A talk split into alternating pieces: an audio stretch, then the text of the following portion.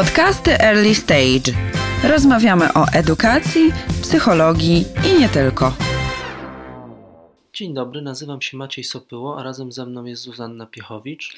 Jesteśmy trenerami edukacji medialnej i cyfrowej i dlatego właśnie zapraszamy na podcast, na Twoją rozmowę z dwoma gośćmi. Tak, rozmawiam z Hanną Zielińską, mamą trójki dzieci, w tym dwóch nastolatek, dziennikarką, i z Marcinem Grudniem, ojcem dorosłej już córki, który opowiada o tym, jak było, terapeutą w trakcie szkolenia, trenerem edukacji medialnej i cyfrowej. A to jest podcast w ramach projektu Cybermocna Szkoła, organizowanego przez Szkołę Języka Early Stage. Jeżeli chcecie się więcej dowiedzieć o tej szkole oraz o 10 supermocach, na podstawie których, za pomocą których e, uczy Early Stage, uczy się w Early Stage języka angielskiego, zapraszamy na stronę earlystage.pl, a partnerem tego projektu jest e, Fundacja e, City Handlowy imienia Cronenberga.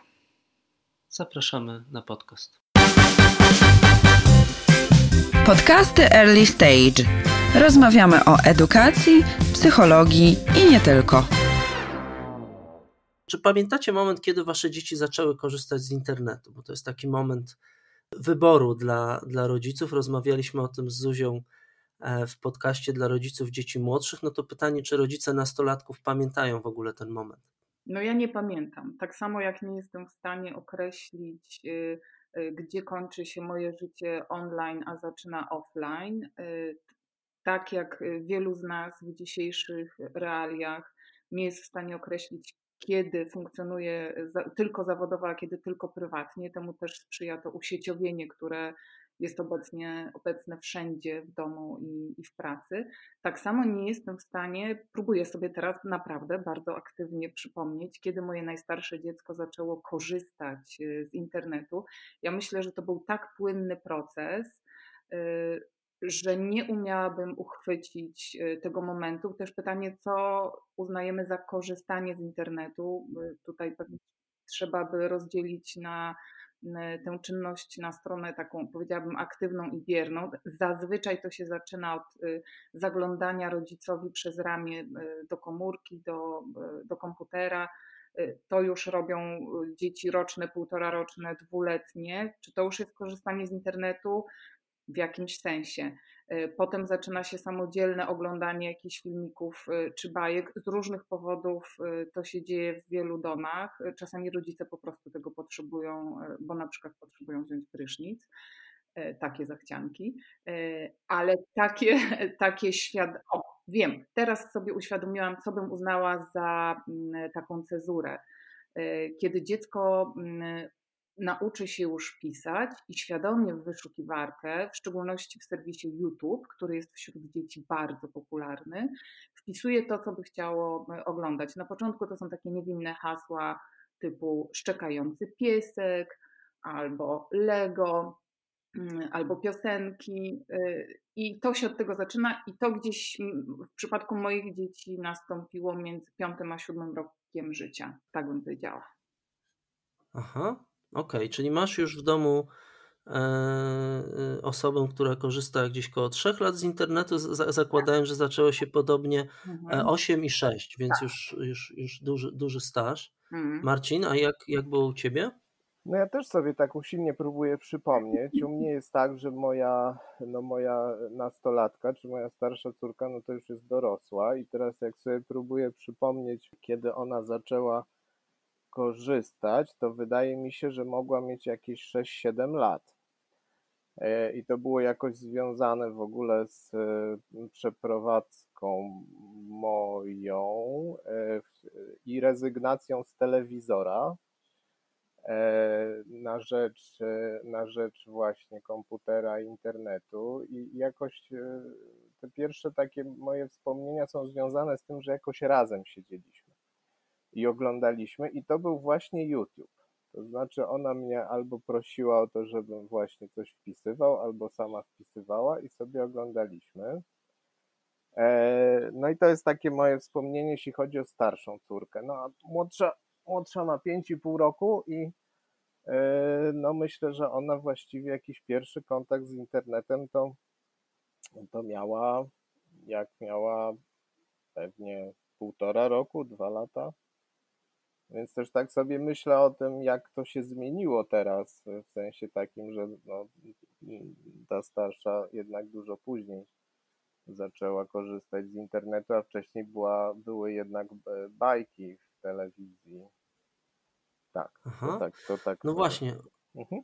O, o, oboje macie tę sytuację, że, że, że macie też młodsze dzieci, jeszcze nie nastoletnie, więc więc e, będziecie powtarzać jeszcze pewien, e, pewien proces i drogę, którą przeszliście ze, ze, ze starszymi. Ja też słucham i będę słuchać tego, co mówicie jako, jako ojciec dziesięciomiesięcznej dziewczynki, więc też e, z, z, z dużą uwagą, zainteresowaniem i, i taką perspektywą, że, że za chwilę będę, będę do, doświadczał tego wszystkiego, czym się, czym się dzielicie. No pytanie, na, na, ile ten internet jest, jest, jest obecny w, w waszych rozmowach z dziećmi i e, na, na ile to boli dzisiaj e, jest taka, taką, takim trudnym czy wymagającym uwagi doświadczeniem z waszej, z waszej perspektywy temat internetu i, i nastolatków? Hmm. Ciekawe. Ciekawe jest to pytanie o ból, mm, bo internet w zasadzie jest narzędziem, które może zarówno y, wywoływać ból, jak i ulgę, zarówno pogłębiać jakieś cierpienie, izolację, jak i budować y, y, więzi społeczne, przynosić satysfakcję, budować bazę wiedzy. To jest ciekawe, ale jeśli chodzi o te rozmowy z dziećmi na temat internetu, to jeszcze powiedziałabym, skala bólu rodzica nie jest najwyższa. Najwyższa skala bólu rodzica w moim odczuciu mm, e, to są e, te momenty, kiedy to jest rozmowa typu interwencja. Czyli to jest, mhm. czyli to jest rozmowa, próba oderwania dziecka od ekranu. Nawet w domach, gdzie są jasno ustalone zasady, w naszym domu część takich sztywnych reguł obowiązuje, chętnie o nich później opowiem. E, dzieci, w szczególności nastolatki, e, bardzo chętnie podejmują regularne próby renegocjacji tych zasad, ewentualnie próby sabotażu czy jakiejś partyzantki. E, I to, to są trudne sytuacje, tak? kiedy mm, widzimy, że dziecko jest już zassane w tej rzeczywistości kolejny kwadrans, czy nie daj Boże kolejną godzinę. To najtrudniejsza rozmowa jest wtedy. Dziecko nie jest w, stanie takiego, powiedziałabym, skupienia e, w, tym, na tej rzeczywistości pozainternetowej. E, no i wtedy my wychodzimy z takiego stanu, jeśli zdarza się, że dziecko przekroczy jakiś dozwolony czas czy umówiony czas, wychodzimy z tego pomalutku. Znaczy nie robimy kroków radykalnych typu odłóż telefon, zostaw to, wyłączam prąd, odłączam router, wyłączam Wi-Fi, y, tylko za ile minut odłożysz telefon, tak? To jest y, zawsze rozmowa i wspólne ustalenie. To jest ten najtrudniejszy moment, ale w ten sposób sobie radzimy, że tak traktujemy tutaj y, siebie jako zespół, rodzinę w ogóle jako zespół, tak? Już y, trzeba skończyć y, to przebywanie w sieci, za ile minut, i to musi być zawsze minut, a nie kiedy, y, odłożysz telefon czy, czy wstaniesz od komputera. To z reguły jest umowa między 5 a 10 minut, z rzadka 15. No i to jest zawsze obwarowane jakąś taką serią min, prychnięć, ale działa. To jest ten element rozmowy o internecie, który przynosi rodzicom, e, w sensie mi konkretnie w naszym przypadku, największą trudność. Aha. A powiedz, a te zasady były u Was jak, jakby zawsze, bo próbuję się zastanowić, gdzie jest ten moment, kiedy, kiedy kończymy to używanie mhm. sieci z dzieckiem e, i, mhm. i jest to takie jakieś zaglądanie albo właśnie korzystanie z rodzicem. No i następuje ten moment, kiedy trudny dla, dla bardzo wielu rodziców z, z, z moich doświadczeń różnych rozmów, który też łatwo przegapić, no kiedy trzeba tą sferę wolności i samodzielności gdzieś tam poszerzać. Mm-hmm, Więc rozumiem, że, że waszym pomysłem były te zasady, tak? One w którymś momencie jakoś zaczęły obowiązywać. Tak, w jakimś momencie one zaczęły obowiązywać. Trudno powiedzieć, żeby one były zawsze, no bo też dzieci nasze stopniowo, tak jak wszystkie, stają się coraz bardziej zaawansowanymi użytkownikami internetu. W naszym przypadku, y, jeśli chodzi o same zasady, mm, to takie konkrety, to są takie strefy użytkowania sieci w domu. Y, Aha. Absolutnym tabu, nieprzekraczalnym jest wejście z telefonem do sypialni, do pokoju, w którym się śpi. Y, nie wnosimy sprzętów elektronicznych tam, gdzie jest nasze łóżko, tam, tam gdzie spędzamy noc. Y, akurat w tej chwili mamy y, takie warunki mieszkaniowe, że mm, po prostu dół domu to jest miejsce, gdzie można korzystać z telefonów i komputerów wszędzie. Y, na schody nie wchodzimy z, ze sprzętem elektronicznym, to nam ułatwia właśnie rozgraniczenie tych stref użytkowania sieci. To nam bardzo pomaga, aczkolwiek zdarza się partyzantka, zdarza się, że ktoś się zamknie w łazience na górze z telefonem, bo musi dokończyć serial i to jest bardzo ważne. E, no i wtedy, i wtedy właśnie negocjacje, ile minut jeszcze. E, no, to, to, po prostu do tego trzeba podejść ze spokojem, cierpliwością i nie tracić też poczucia humoru, to jest bardzo ważne.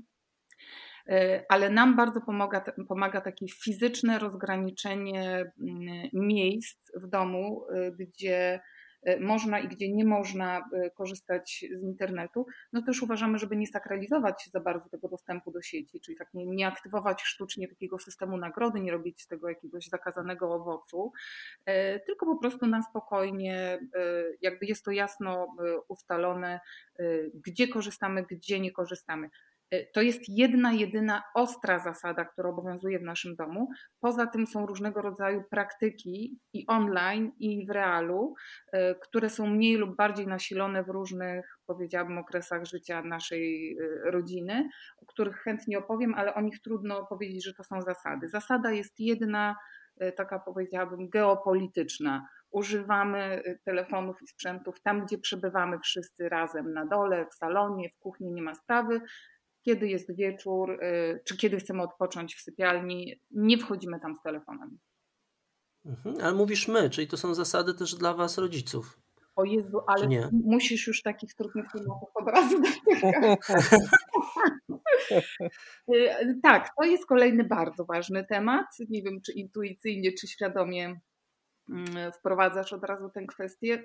Jedną z poważnych trudności i y, jak czytam w różnych źródłach, ona e, pojawia się w wielu rodzinach, jest własna niekonsekwencja rodziców, e, własne deficyty, własne ograniczenia, połączone oczywiście ze stałym poczuciem winy. E, jak to u nas wygląda? Ja sobie nie mogę pozwolić z wielu względów na to, żeby w naszej sypialni rodziców nie było żadnego sprzętu elektronicznego. Czasami nawet jest z takiego powodu, że mm, mój mąż, który jest y, lekarzem, y, czasami y, w trakcie dyżuru musi być dostępny. Te dyżury tutaj, gdzie mieszkamy, może odbywać w domu. Jesteśmy bardzo blisko szpitala, po prostu musimy być wiecznie podłączeni. Natomiast co ja robię, żeby dzieci wesprzeć w tym, że, mm, żeby one same przestrzegały zasad, których od nich wymagamy? E, wyznaczam takie czasy w życiu naszej rodziny. Takim ostatnim okresem był właśnie grudzień, taki miesiąc przedświąteczny, gdzie mówię: Słuchajcie, ludzie, e, ja teraz e, przez cały grudzień będę razem z Wami w tym cierpieniu i będę przestrzegała tych stref użytkowania sieci w domu. Będę się e, starała wczuć w Waszą sytuację, poczuć jak Wy. Nie mogę wejść do sypialni ani z telefonem, ani z komputerem, e, i Wy będziecie mi w tym pomagać. Za każdym razem, jak mnie nakryjecie na złamaniu zasady, same możecie tę zasadę danego dnia złamać, e, czyli same możecie wejść z telefonem do sypialni. I w ten sposób i ja byłam zmotywowana, i one, i bardzo byliśmy aktywni w obserwowaniu tych naszych nawyków przez cały grudzień ale jednocześnie chcę powiedzieć, i ja dzieciom to też y, powtarzam, y, że y, to nie jest tak, że prawa i obowiązki w rodzinie obowiązują tak samo dzieci i rodziców. taki miesiąc dla dzieci, kiedy mamy obowiązują te same zasady dotyczące stref użytkowania sieci, to jest jakiegoś rodzaju też taka próba, mm, czy taki sposób zbliżenia się do nich, pokazania im, że ja wiem, jak to jest, ale też z wielu powodów uważam, że mm, to nie jest konieczne albo potrzebne, żeby wszystkie zasady obowiązywały wszystkich w domu tak samo. E, tak jak nie jest konieczne i potrzebne, żeby budować e, taką klasyczną przyjaźń z dziećmi w rozumieniu właśnie takiej partnerskiej e, relacji i nie wiem, zwierzania się sobie nawzajem, to może być nawet szkodliwe. Tak, z wielu powodów dzieci moim zdaniem muszą widzieć, że rodzice żyją według nieco innych zasad niż one same. Więc u nas jest tak, że ja po prostu czasami jestem razem z nimi w tym, mm, i to mi pomaga, to, to mnie też oczyszcza, to, to, to, to mi też pomaga zrzucić z siebie to, e, te cyfrowe nawyki na jakiś czas. E, ale jednak, wracając do tego, o co pytasz, czy dajemy dobry przykład dzieciom? Moim zdaniem średnio, e, co też jest lekcją życia i dla nas, i dla nich. Po prostu jesteśmy ludźmi, mamy swoje ograniczenia. I to, że chcemy wychować je na jak najbardziej bezpiecznych emocjonalnie i bezpiecznych też w tym świecie cyfrowym, jest równoległe z procesem, kiedy my sami się tego uczymy. Mhm. Marcin, a, a, u ciebie co, co, co było tym, co, co jakoś wspierało, a czy, czy pamiętasz też takie rzeczy, które jakoś były, by, były trudne i stanowiły jakieś, jakieś duże wyzwanie w tej, e, w tym, w tym zakresie nastolatka i, no, I, i, me, I, nowe media, nowe technologie. Mhm. No ja jak, jak, zacząłem mówić o tym, że, że jakoś tak sobie przypominam, że, że ten pierwszy mm, kontakt z internetem e, mojej, mojej starszej córki był jakoś taki wspólny, w sensie wspólnego siedzenia i jakiegoś doświadczania, to potem to, co było taką trudnością, myślę sobie, no to było to właśnie, jak powiedziałeś o tym poszerzeniu tej, tych możliwości korzystania, to myślę, że takim ważnym momentem było, było to, kiedy, kiedy Łucja miała, e, zaczęła mieć swój własny komputer, e, laptop w swoim własnym pokoju.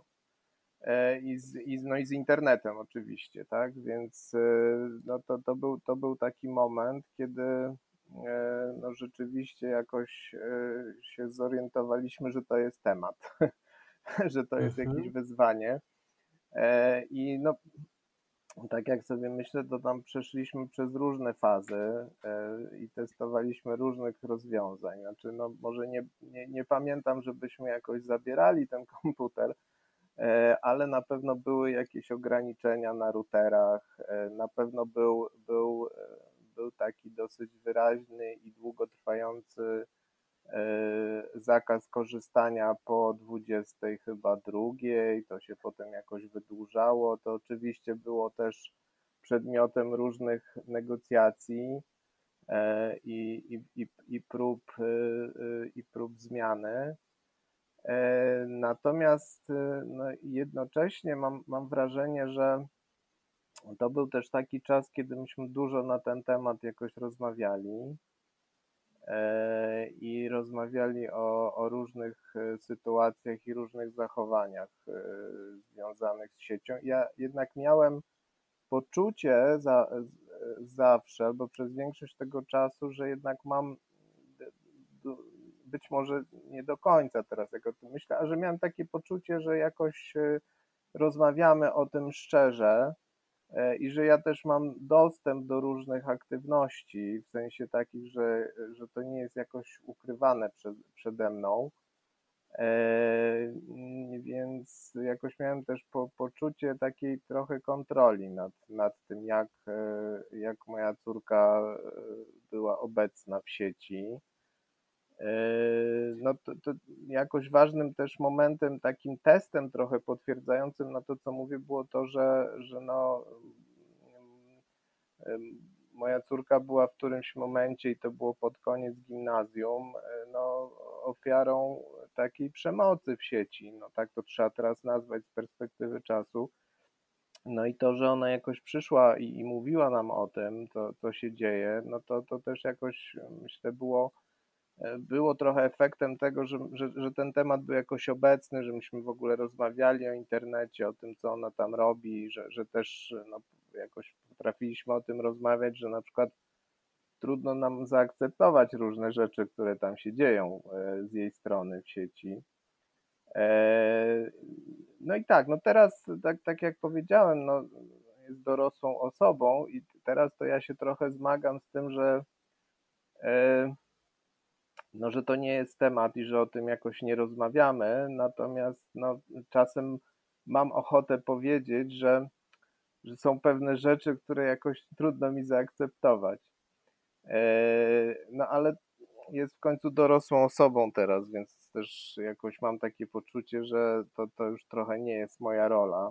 Nie wiem, czy słusznie do końca, ale, ale tak jakoś przyjęliśmy taką zasadę, więc internet chyba nie jest teraz tematem już y, naszych, naszych rozmów. Jasne. No właśnie, słuchajcie, oboje, oboje mówicie, też Haniu użyłaś takiego słowa i zastanawiała się, jak wesprzeć e, dzieci w tym, w tym przestrzeganiu zasad, na które jakoś się, się umawiacie. Bardzo tutaj pobrzmiewa relacja, rozmowa. Natomiast to jest taka, taka, e, taki główny powód z moich doświadczeń, różnych rozmów i kontaktów z rodzicami, dla których rodzice jakoś o internecie z dziećmi nie rozmawiają, a jeśli, no to tylko jakichś takich E, w, w, takich sytuacjach zagrożenia dużego albo, albo za, zakazując różnych aktywności w sieci, bo, bo czują, że nie mają wglądu w to, co się tam dzieje. Marcin, to już powiedziałeś, że jakoś masz takie poczucie, że, że masz wgląd. Pytanie, jak, jak o to zadbać, żeby w ogóle mieć taki wgląd właśnie w relacji, nie, nie polegający na tym, że kontroluję albo że, że, że mam takie poczucie, że co jakiś czas wkraczam i muszę wkroczyć, wziąć telefon, przejrzeć, tylko, tylko, tylko mam relację. Czy jakoś umielibyście tutaj powiedzieć, co, co, co Wam się udało, że tą, że tą relację macie? Jak ją zbudować też w tym, e, w, tym, w odniesieniu do internetu, tak? bo, bo to się wiąże w ogóle pewnie z, z tym, jak budujemy kontakt z, z tak. nastolatkami. Jeśli chodzi e, o nas i to budowanie, e, czy też jakby e, nieutracenie relacji z dzieckiem w tej rzeczywistości online, to stosujemy jakieś, powiedziałabym, praktyki rodzinne, które wydaje się, że jakoś u nas się sprawdzają. To, to nie są żadne jakieś specjalne odkrycia, ale chętnie o tym opowiem, bo Y, wydaje się, że póki co nasze dzieci nie przejawiają y, cech tak zwanego uzależnienia od internetu. Mówię tak zwanego, bo to jest wciąż y, kontrowersyjna dla psychologów kwestia, czy jest to rzeczywiście no, uzależnienie, jeśli już to behawioralne, a nie chemiczne, i czy w ogóle zasadne i adekwatne jest porównywanie internetu do narkotyków czy alkoholu. Tutaj są, zdaje się, inne też problemy, nie tylko takie uzależnieniowe ale mm, to co, to, co, to, co my robimy, to y, integrujemy mm, życie rodzinne w realu z życiem rodzinnym w sieci. E, takie życie rodzinne mm, zintegrowane z y, internetem to, to jest prosta rzecz, ale u nas sprawdza się doskonale. Od kilku lat mamy grupę na komunikatorze sześciorga dorosłych i sześciorga nastolatków w naszej rodzinie. E, która służy nam do podtrzymania relacji, do wymiany uwag, do wysyłania sobie zdjęć. E, wszyscy jesteśmy tam aktywni, zarówno dorośli, jak i dzieciaki. I wysyłaliśmy sobie zdjęcia tego, co mamy na stole, na, na, na świątecznym stole, zanim to było pandemiczne, tak bym powiedziała, zanim to było właściwie modelem w tych czasach. E, I teraz e, tę grupę ja założyłam e, właśnie mm, w takim celu, żeby być obecna z dziećmi i jakoś próbować modelować, jak mogą wyglądać relacje w internecie. Jak można komentować, jak można siebie wspierać, jak można wzmacniać więzi rodzinne, z jakąś nadzieją, że być może mm, to będzie jakimś punktem wyjścia, bazą do y, korzystania przez nich z internetu w budowaniu sieci relacji rówieśniczych. Y, z wielką przyjemnością jakoś obserwuję, że te dzieciaki, nastolatki w ogóle z tej grupy nie uciekły. że one chcą z nami Aha. gadać, że świętujemy tam razem urodziny, szczególnie czy inne okazje rodzinne, szczególnie od pół roku ta grupa ma dla nas duże znaczenie, no bo my wyemigrowaliśmy, nie ma nas już fizycznie w Polsce. To, może też mieć znaczenie w ogóle w czasach pandemicznych. To jest jedna praktyka, tak? Pokazać, jakby być z dziećmi w danej grupie, nie, nie izolować się. Druga praktyka, to uważam, że dobrym pomysłem jest, kiedy rodzic jest followersem własnego dziecka w tych mediach społecznościowych, w których dziecko jest aktywne. W moim przypadku jest to TikTok. Ja jestem followersem swoich córek, one lubią nagrywać e, różne filmiki. Nie zdarzyło mi się, żebym musiała zainterweniować, czy w jakiś sposób prosić je, żeby coś wycofały. Natomiast bardzo często gdzieś w trakcie rozmów jakoś tak przypominam, że e, wszystko, co jest w sieci, jest w jakimś sensie wieczne, że muszą pamiętać o tym, że to, co widać w tle, może mieć znaczenie, na przykład y, tabliczka z adresem domu, czy różne inne aspekty, ale przy okazji też no, wzmacniamy więź. Ja jestem ich super fanem, serduszkuję, wszystko lajkuję. Kolejną praktyką jest oczywiście to, że mam swoje dzieci na liście znajomych w moich mediach społecznościowych. W moim przypadku to jest Facebook.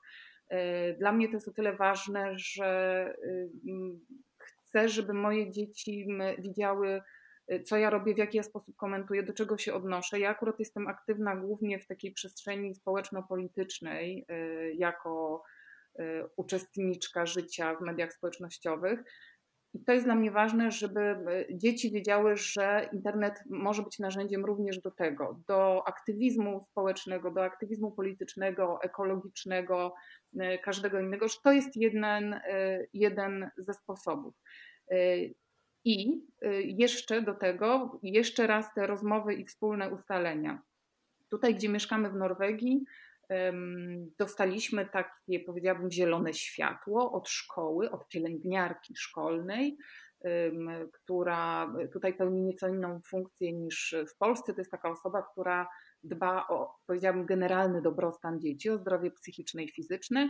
Na spotkaniu z nią i z moją córką odbywają się takie spotkania właśnie rodzic, dziecko, pielęgniarka. Omawiamy różne sprawy związane ze zdrowiem dziecka, omawiamy nawyki żywieniowe, mm, omawiamy też nawyki y, właśnie korzystania z internetu i mm, tutaj ta pielęgniarka y, przypomniała mojej córce, czy zapytała, czy ona ma świadomość, że rodzic y, powinien mieć pełne prawo zajrzeć w każdej chwili do telefonu w celu skontrolowania, e, co tam się dzieje oraz czy, e, czy ona ma świadomość zagrożeń związanych z korzystaniem z internetu.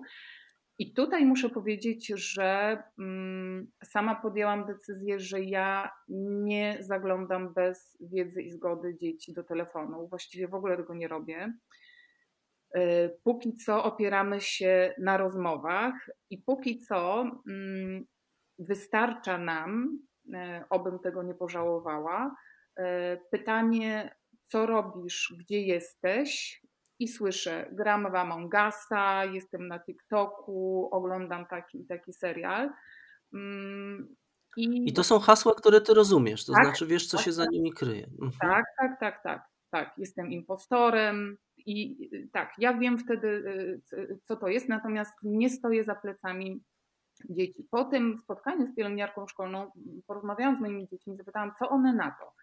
Na taką zasadę, która, mm, y, która tutaj y, jest przyjmowana z jakimś zrozumieniem, bo też moim zdaniem tutaj jest y, rzeczywiście spory problem z usieciowieniem życia dzieci i nastolatków, być może większy niż w Polsce z różnych powodów. Y, co one na taką zasadę. No oczywiście y, w ogóle uważają taką zasadę za niezwykle inwazyjną. No, jak, no, no jak to, żeby, żeby rodzic mógł w każdej chwili zaglądać, kiedy na przykład jednym z ulubionych serwisów jednej z moich nastolatek jest serwis do publikowania mm, takich fanfikowych opowiadań, fanfikowych, czyli mm, takich opowiadań, gdzie mm, nastolatki dopisują własne wersje y, ulubionych y, powieści, ulubionych kryminałów, ulubionych książek, co dalej się działo z bohaterami.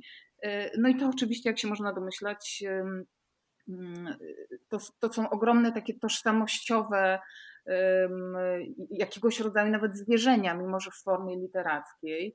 Y, I to, co mi właśnie starsza nastolatka powiedziała, że ona uwielbia czytać te opowiadania innych nastolatków i sama publikować swoje. Tych serwisów jest sporo, ona ma swój ulubiony, ale właściwie nie chciałaby, żebym ja czytała te opowiadania, bo tam jest zbyt dużo y, osobistych y, zapisów. Ja to mhm. rozumiem i oczywiście tego nie robię. Także kończymy na tej rozmowie. Umówiliśmy się, że nie stosujemy się w, naszej, w naszym domu do zasady, że ja mogę, czy rodzic, mąż mój, ojciec dzieci może w każdej chwili zajrzeć do telefonu, do komputera. E, na razie ograniczamy się do tego, że ja po prostu mogę w każdej chwili zapytać, e, co robią. Zdarzyło mi się raz, że przerwałam e, aktywność internetową. Rzeczywiście to było w przypadku, kiedy zorientowałam się, że moje dzieci korzystają z dosyć kontrowersyjnego serwisu, takiej Y, telewizji internetowej Omegle TV.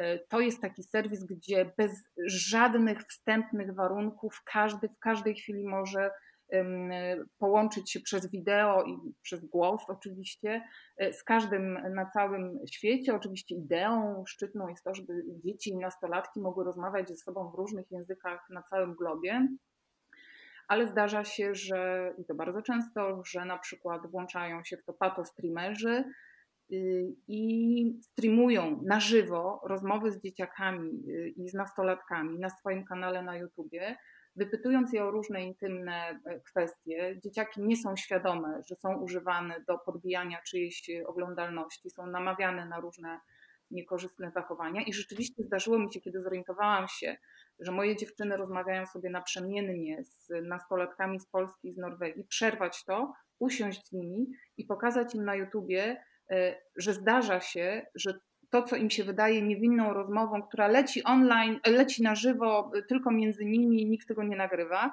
e, że te dzieci, pokazałam im jak to wygląda, tak, że siada taki youtuber, streamer e, i po nagraniu czegoś takiego następnie komentuje, wyśmiewa i właściwie stosuje taką cyberprzemoc wobec tych dzieciaków. Także y, to, to jeśli chodzi o takie interwencje z mojej strony, natomiast nie jestem y, zwolenniczką akurat w naszym przypadku tej zasady zaglądania do telefonu, z zastrzeżeniem, że jeśli cokolwiek by mnie zaniepokoiło, to myślę, że bym to zrobiła. Znaczy, jeśli uznałabym, że doszło do uzależnienia lub że dziecko ma kontakt z czymś lub kimś niebezpiecznym. Mhm. Marcin, czy, czy ty coś tutaj do tych zasad byś e, dorzucił, takich rzeczy, które cię wspierały? Też wspomniałeś już o tej e, trudnej sytuacji, gdy, gdy Łucja była, była ofiarą. Co, mhm. co wtedy takiego myślisz zagrało, że, że ona przyszła i że mogłeś w tym z nią być? E, wiesz co, no myślę sobie, że mm, ta relacja była jakoś ważna, że ona tutaj no, w ten sposób y, za, zafunkcjonowała, że po pierwsze jakoś usłyszałem, że jest problem, e, no i że, że ona potrzebuje jakoś mojego wsparcia i mojego zainteresowania. No i oczywiście tam w dalszej kolejności jakichś działań w związku ze szkołą i, i, i klasą, tak? Natomiast e, no właśnie jakoś jestem przy tej relacji, znaczy przy, przy, przy, przy jej budowaniu i tak sobie myślę, że, że ważnym słowem jest, e, czy właściwie są dwa takie słowa, które mi przychodzą teraz. Jedno to jest ciekawość e, tego świata i, i tego, co moje dziecko nastoletnie tam robi.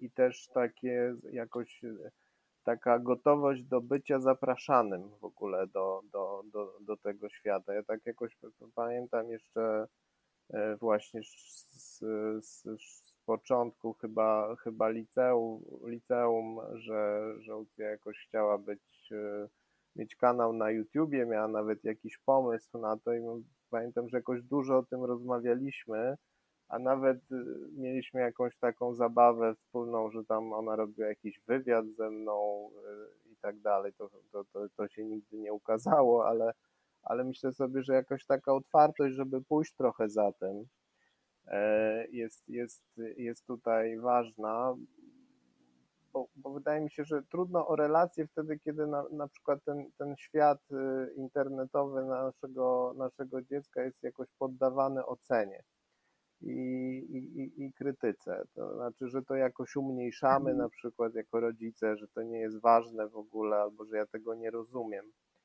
e, i nie będę w ogóle w to wchodził. Tak, więc, e, więc jak, jak, jak pytasz o tą sytuację, no to myślę, że właśnie to, że my byliśmy w relacji, jeśli chodzi o taki, tą, tą rzeczywistość cyfrową, to tutaj miało ogromne, ogromne znaczenie, że my jakoś naj, najpierw coś razem robiliśmy, ale też trochę rozmawialiśmy o tym, co, co ona robi, yy, albo co w ogóle jest ciekawego, tak?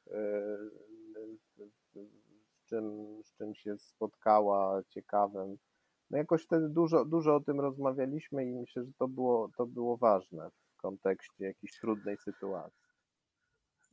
Myślę, że mogą nas też słuchać e, rodzice, którzy tej relacji nie mają z różnych powodów, bo, bo w waszych historiach słychać, że, że ona była, że to, to jest coś, co musieliście podtrzymać. Hmm. E, pytanie, czy wy sobie wyobrażacie jakoś budowanie tej relacji w wieku nastoletnim z nastolatkami, jeśli czujemy, że gdzieś, gdzieś że, że, jej nie było, albo że gdzieś ona została utracona. Właśnie się budzimy, że, że dostępu do tego świata nie mamy. To jest zresztą też, mam, ochotę was zapytać, czy, bo, to jest taka perspektywa, która też może się zdarzyć, prawda? Bo, no bo ten wiek nastoletni jest takim wiekiem no, burzliwego rozwoju, różnych przemian, buntów więc e, niejako bez, bez żadnej winy przy całej zachowaniu całej uważności, takie momenty e, utraty tego wglądu i utraty tej, tej, tej, tej relacji mogą, mogą nastąpić. Czy wy jakoś myślicie o tym i czy, czy, czy, czy, czy, czy w ogóle wierzycie w to, że można ją też budować, gdy, gdy się jej nie miało? Ja jestem optymistką i mam wrażenie, że tak. E, mimo tego, że dzisiejsze autorytety pedagogiki, psychologii, rzeczywiście, no w ogóle neuronauka, czy też teoria więzi pokazuje, że najważniejsza jest ta baza i ta relacja, którą zbudowało się w okresie przed dojrzewaniem, kiedy jeszcze rodzic jest tym najbliższym pierwszym opiekunem, potem przez następne lata największym autorytetem. W okresie dorastania naturalnym procesem jest podważanie, kwestionowanie tego autorytetu, przymierzanie siebie do różnych innych tożsamości, więc wtedy rzeczywiście trudno nagle wskoczyć z nienacka w rolę autorytetu właśnie w tym okresie, y, ale y, gdybym była w takiej sytuacji, kiedy musiałabym, znalazłabym się w takiej relacji pustej, niezagospodarowanej od wielu lat e, z nastolatkiem, e, to myślę, że próbowałabym jakoś być z tym dzieckiem w świecie online według wskazówek Jordana Shapiro. Zaraz, zaraz powiem o tym więcej. Jeszcze chcę zaznaczyć, że rzeczywiście ja mam poczucie, że mam relację ze swoimi dziećmi budowaną od wielu lat, ale to wcale nie znaczy, że ja się w takiej sytuacji nie znajdę. Ja nie wiem, co będzie. Generalnie rzecz biorąc, w ogóle to stąpanie po cienkim e, lodzie e, funkcjonowania naszych dzieci w świecie cyfrowym to jest jedna wielka niewiadoma. Jedną z najnowszych książek na naszym polskim rynku, jeśli chodzi o funkcjonowanie dzieci w świecie cyfrowym, jest książka Nowe cyfrowe dzieciństwo jak wychowywać dzieci, by radziły sobie w usieciowionym świecie i autorem właśnie jest Jordan Shapiro. I on właściwie jest takim ekspertem od w ogóle od globalnej edukacji, od cyfrowej zabawy. Przez wiele lat na ten temat pisał felietony dla Forbes. I teraz moim zdaniem ta książka mogłaby być takim pierwszym krokiem dla rodziców, którzy są przerażeni Y, i uważają, że ich dzieci nastoletnie są uzależnione od internetu. Dlaczego? Dlatego, że ta książka bardzo odbarcza rodziców. Ona, mm, ona jest bardzo zaskakująca i przewrotna. Gdyby nie to, że wydało tę książkę wydawnictwo Mamania, któremu bardzo ufam, y, to y, nie wiem, czy bym po nią sięgnęła. To jest książka, która w zasadzie forsuje taką tezę, że My dorośli jesteśmy śmieszni, jesteśmy dwudziestowieczni. Naszym przerażeniem i w ogóle z uważaniem aktywności naszych dzieci w internecie za uzależnienie. E, najlepsze, co możemy zrobić, to usiąść razem z dziećmi do tych wszystkich ekranów i poprzebywać razem z nimi. Mało tego, Jordan Shapiro forsuje też taką tezę, że e, równie wartościowym czasem dla rodziny, jak jakieś majsterkowanie, jakieś rękodzieło, jakieś mm, karmienie zmysłów, e, jest na przykład wspólne granie, wspólne oglądanie filmów, ale też nawet taka, powiedziałabym, synchroniczna aktywność cyfrowa, że każdy robi co innego na swoim ekranie. E, on tutaj bardzo ciekawą e, tezę pokazuje, że to jest w jakimś e, sensie tak zwana zabawa równoległa. Zabawa równoległa to jest taki, takie zjawisko psychologiczne odkryte właściwie pod koniec XX wieku, pokazujące, że dzieci w przedszkolu pozornie bawią się obok siebie i nie ze sobą, ale dopiero jak się je rozdzieli, to widać, że to było bardzo ważne, że są razem. I on opisuje, dlaczego taka obecność przy dziecku z własnym telefonem, kiedy dziecko jest zanurzone w swoim telefonie, jest wstępnym krokiem do budowania z nim relacji. Wydawałoby się, że to już jest ostateczny rozpad wszelkiej więzi. Ojciec czy matka w swoim telefonie, dziecko w swoim tablecie. Ale E, takie drobiazgi jak westchnięcie, parsknięcie, komentarz, one się pojawiają paradoksalnie właśnie wtedy, kiedy ktoś siedzi obok. Kiedy jesteśmy sami z tym telefonem, nie komentujemy, e, nie reagujemy tak e, jakoś bardzo ekspresyjnie, bo nie ma komu na to w jakiś sposób właśnie zareagować. Więc on zachęca, żeby od tego zacząć, czyli paradoksalnie od czegoś wydawałoby się bardzo, bardzo niebezpiecznego i w jakimś sensie być może wciągającego w, w nauk. To, co pisze też Jordan Shapiro, powołując się znowu na klasyczną psychologię rozwoju dziecka, to to, że telefon dla nastolatków może być w dużej mierze takim po prostu cyfrowym smoczkiem, czyli niczym wielce groźnym, tak zwanym obiektem przejściowym. Obiekt przejściowy w psychologii rozwoju dziecka to jest to, co rodzice nawet nie muszą w ogóle znać tego terminu, ale to jest ten ulubiony kocyk, to jest ta ulubiona maskotka, to jest to przedłużenie mamy i taty czy domu, które można zabrać ze sobą do żłobka czy, czy, y, czy na spacer, bo rzeczywiście telefon dla nastolatków jest takim bardzo osobistym, intymnym przedmiotem, on musi być w kieszeni, musi być blisko i Shapiro uspokaja, y, to jest po prostu ich gadżet przejściowy. Przecież dorośli nie zachowują się tak samo jak nastolatkowie w sieci i nie mają takich obsesji, czy takiego właśnie nadmiernego y, korzystania i przejawiają jak dorośli. I też przestrzega Shapiro przed tym, żeby szafować terminem uzależnienie. Y, szczególnie mówię o tym, żebyśmy się zastanowili, co może poczuć nastolatek, y, kiedy jego ten właśnie obiekt przejściowy, na przykład tablet czy telefon, opisujemy językiem takim samym, jakim się mówi o papierosach czy narkotykach. E, także e, to jest autor, który jest bardzo optymistyczny. E, napisał ogromną, grubą książkę o tym, jak być z dziećmi w świecie cyfrowym. Od tej książki bym zaczęła dla rodziców, którzy są przerażeni i mają poczucie, że stracili wiele lat, a potem jednym ruchem przeszłabym do książki Cyfrowy Minimalizm, która forsuje tezę na absolutnym, skrajnym, przeciwnym końcu tego kontinuum. E, to jest z kolei książka niezwykle ciekawa też i w ogóle perwersyjna bym powiedziała, bo to jest książka Kala Newporta, amerykańskiego informatyka, wykładowcy, który e, nie funkcjonuje w mediach społecznościowych, nie ma go na Twitterze, na Facebooku, na Instagramie, pisze bestsellery o tym, e, jak pracować skutecznie. On jest autorem takiego terminu głęboka praca, właśnie online, i jak funkcjonować poza siecią. E, niezwykle ciekawa książka, czyli po tej nowe cyfrowe dzieciństwo, która jest takim, mm, takim uspokajaczem, słuchajcie, no to jest po prostu rzeczywistość naszych dzieci, jesteśmy śmieszni z tym e, przerażeniem.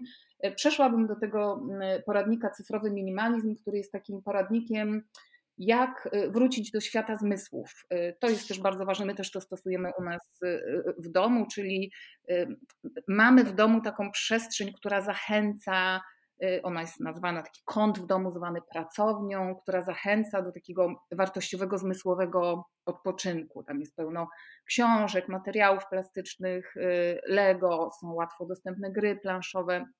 I ta książka Cyfrowy Minimalizm Kala Newporta wspiera nas w kolejnym kroku, czyli w takim znalezieniu balansu. To nie chodzi też o zupełne, absolutne, absolutne odcięcie się od sieci, bo, bo to już jest z kolei jakiś fundamentalizm, być może niebezpieczny nawet, ale to jest książka, która pokazuje konkretne kroki, jak z takim nastolatkiem, kiedy już y, odetchniemy trochę, że, że, że to nie jest koniec świata, y, jak, jak, jednak spróbować wrócić do zmysłów. Mhm. E, czas szybko biegnie, jeszcze mam milion wątków, które chciałbym z Wami poruszyć, a, a, a tutaj już musimy kończyć. A jeszcze zastanawiam się nad, nad, nad jednym wątkiem i nad zadbaniem o, Mm, o, o, takie sytuacje, które też często gdzieś tam w, w moich czy naszych rozmowach, Marcin, bo, bo część y, warsztatów y, prowadziliśmy razem dla, dla rodziców, mhm. E, kiedy, kiedy rodzice mówią, kurczę, ale ja przede wszystkim nie mogę się dogadać z moją drugą połówką, to znaczy ja mam inne spojrzenie na ten cały cyfrowy świat e, niż mój mąż, niż moja żona. Ja, ja tutaj uważam, że gry to jest jednak zagrożenie, jakieś ustalenie jakichś limitów jest ważne, a mój mąż jest graczem i jak, jak, jak moje dziecko jest z ojcem, no to po prostu grają, bo, bo on myśli inaczej. E, e, I, I, zastanawiam się nad tym, czy, czy, czy wy macie też e, takie doświadczenie, kiedy, kiedy jako rodzice nie, nie, nie byliście jednomyślni. Jakoś taka najprostsza rzecz, która mi przychodzi do głowy z, z doświadczenia osobistego, ale też tak myślę sobie trochę z praktyki terapeutycznej mojej z rodzinami, że, że, no, że nie ma innego wyjścia, jak o tym rozmawiać. Może to nie jest jakieś wielkie odkrycie, ale, ale myślę sobie, że no, no właśnie z jednej miałeś, strony... Miałeś dać rozwiązanie, a ty tutaj spiętrzasz trudności. No, no trudno.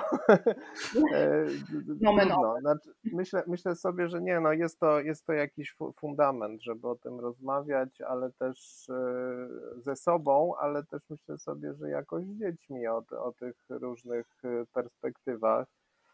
I, i też myślę sobie o, o takim wątku, w którym no właśnie jest to jakoś jakaś różnorodność znów, która jest no, czymś, co E, to z perspektywy dzieci myślę może być e, ciekawe i wartościowe, no bo, no bo jednak e, możemy trochę spędzić tego czasu jako dzieci z rodzicem grającym, a, ale, te, ale też na przykład możemy wspólnie spędzić czas właśnie w jakiejś w takiej perspektywie tego minimalizmu.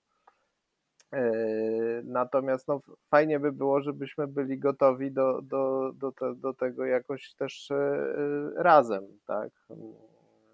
Więc trochę tego, trochę tego. Aha. Ja się zgadzam z Marcinem, że to jest po prostu lekcja życia i lekcja różnorodności. Y, I nie widzę tu dużego zagrożenia, jeśli rzeczywiście miałoby być tak, że jeden z rodziców gra z dzieckiem w jakieś gry wideo, siedzą razem przed telewizorem i coś tam sobie grają, to nawet mam wrażenie, że Jordan Shapiro, autor nowego cyfrowego dzieciństwa, by to pochwalił jako właśnie taki cyfrowy rytuał rodzinny. On uważa, że takie rzeczy należy budować, bo taka jest dzisiejsza rzeczywistość. Oprócz oczywiście pielęgnowania i pilnowania E, czasu przeznaczonego na zmysły, a nawet on pisze o tym, że trzeba absolutnie zabezpieczyć e, czas bezczynności.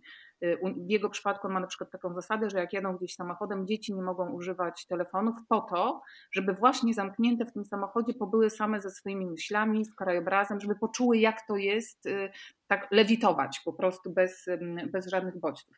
A wracając do tych różnych, powiedziałabym, modeli wychowawczych, to dzieciaki uwielbiają te sytuacje, a nastolatki to już jak widzą jakieś hmm. błędy albo sprzeczności w postępowaniu y, dorosłych, y, to mhm. po prostu z przyjemnością wchodzą w rolę takich po prostu y, pouczających, zarozumiałych tutaj perfekcjonistów, wytykają dorosłym, że ty to, a ty to, podkreślając właśnie budzącą się swoją nową, niezależną tożsamość.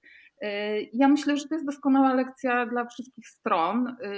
Nie ma w tym nic niepokojącego, o ile oczywiście to nie jest tak, że z jednym rodzicem dziecko jest absolutnie samo w sieci, czyli mamy do czynienia z rodzajem współuzależnienia, kiedy rodzic bagatelizuje obecność dziecka w sieci, usprawiedliwia, udawa, udaje, że nie widzi, bo w gruncie rzeczy jest mu to na rękę. To jest już wtedy współuzależnienie. Jeśli nie mamy do czynienia z czymś takim, tylko z rodzicem, który jest bardzo aktywny w sieci, ma swoje tam miejsca, ma swoje przestrzenie i przebywa razem z dzieckiem tam, a drugi rodzic jest raczej typem e, majsterkowicza i e, osobą, która raczej woli pójść na spacer czy cokolwiek zrobić po prostu w realu, a nie w, w, świecie online, to ja uważam, że to jest tylko z korzyścią dla dziecka akurat w naszym przypadku to jest przedłużenie generalnie takiej zasady, którą też, zasady czy praktyki, którą usiłujemy, nie wiem z jakim skutkiem, wprowadzać w nasze życie, czyli wystawianie dziecka, dziecka na różne bodźce, różne modele wychowawcze. Na przykład myśmy mieli taką zasadę, y, że od nas dzieci nie dostają słodyczy. Y, nie kupimy im w sklepie nigdy słodyczy, Y, opatrzność nam tę zasadę wprowadziła od początku i dzięki temu nigdy nie było tych scen w sklepie, a mamo kup mi to, kup mi tamto, bo one wiedziały, że od nas nie dostaną. Natomiast nigdy by nam nie przyszło do głowy wymagać tego na przykład od dziadków naszych dzieci, od cioć. Po pierwsze dlatego, że to, to nie są nasi, nie wiem, pracownicy, to nie są płatne nianie, e, które mają wykonywać nasze polecenia i spełniać nasze wyobrażenia o modelu wychowawczym, a po drugie dlatego, że bez, dla dzieci jest to bezcenne zobaczyć, że rodzice mają taki model wychowawczy, a dziadkowie, czy ciocie, czy wujkowie mają inny model wychowawczy i naprawdę e, ta, ta, ta jedna godzina gry wideo z ojcem, czy z matką, czy, e, czy słodycze od babci są dużo mniej szkodliwe w porównaniu właśnie z taką lekcją różnorodności e, i, i dla dziecka też lekcją radzenia sobie e, w relacjach e, opartych na różnych zasadach. Więc ja tutaj akurat nie widzę specjalnego zagrożenia, jeśli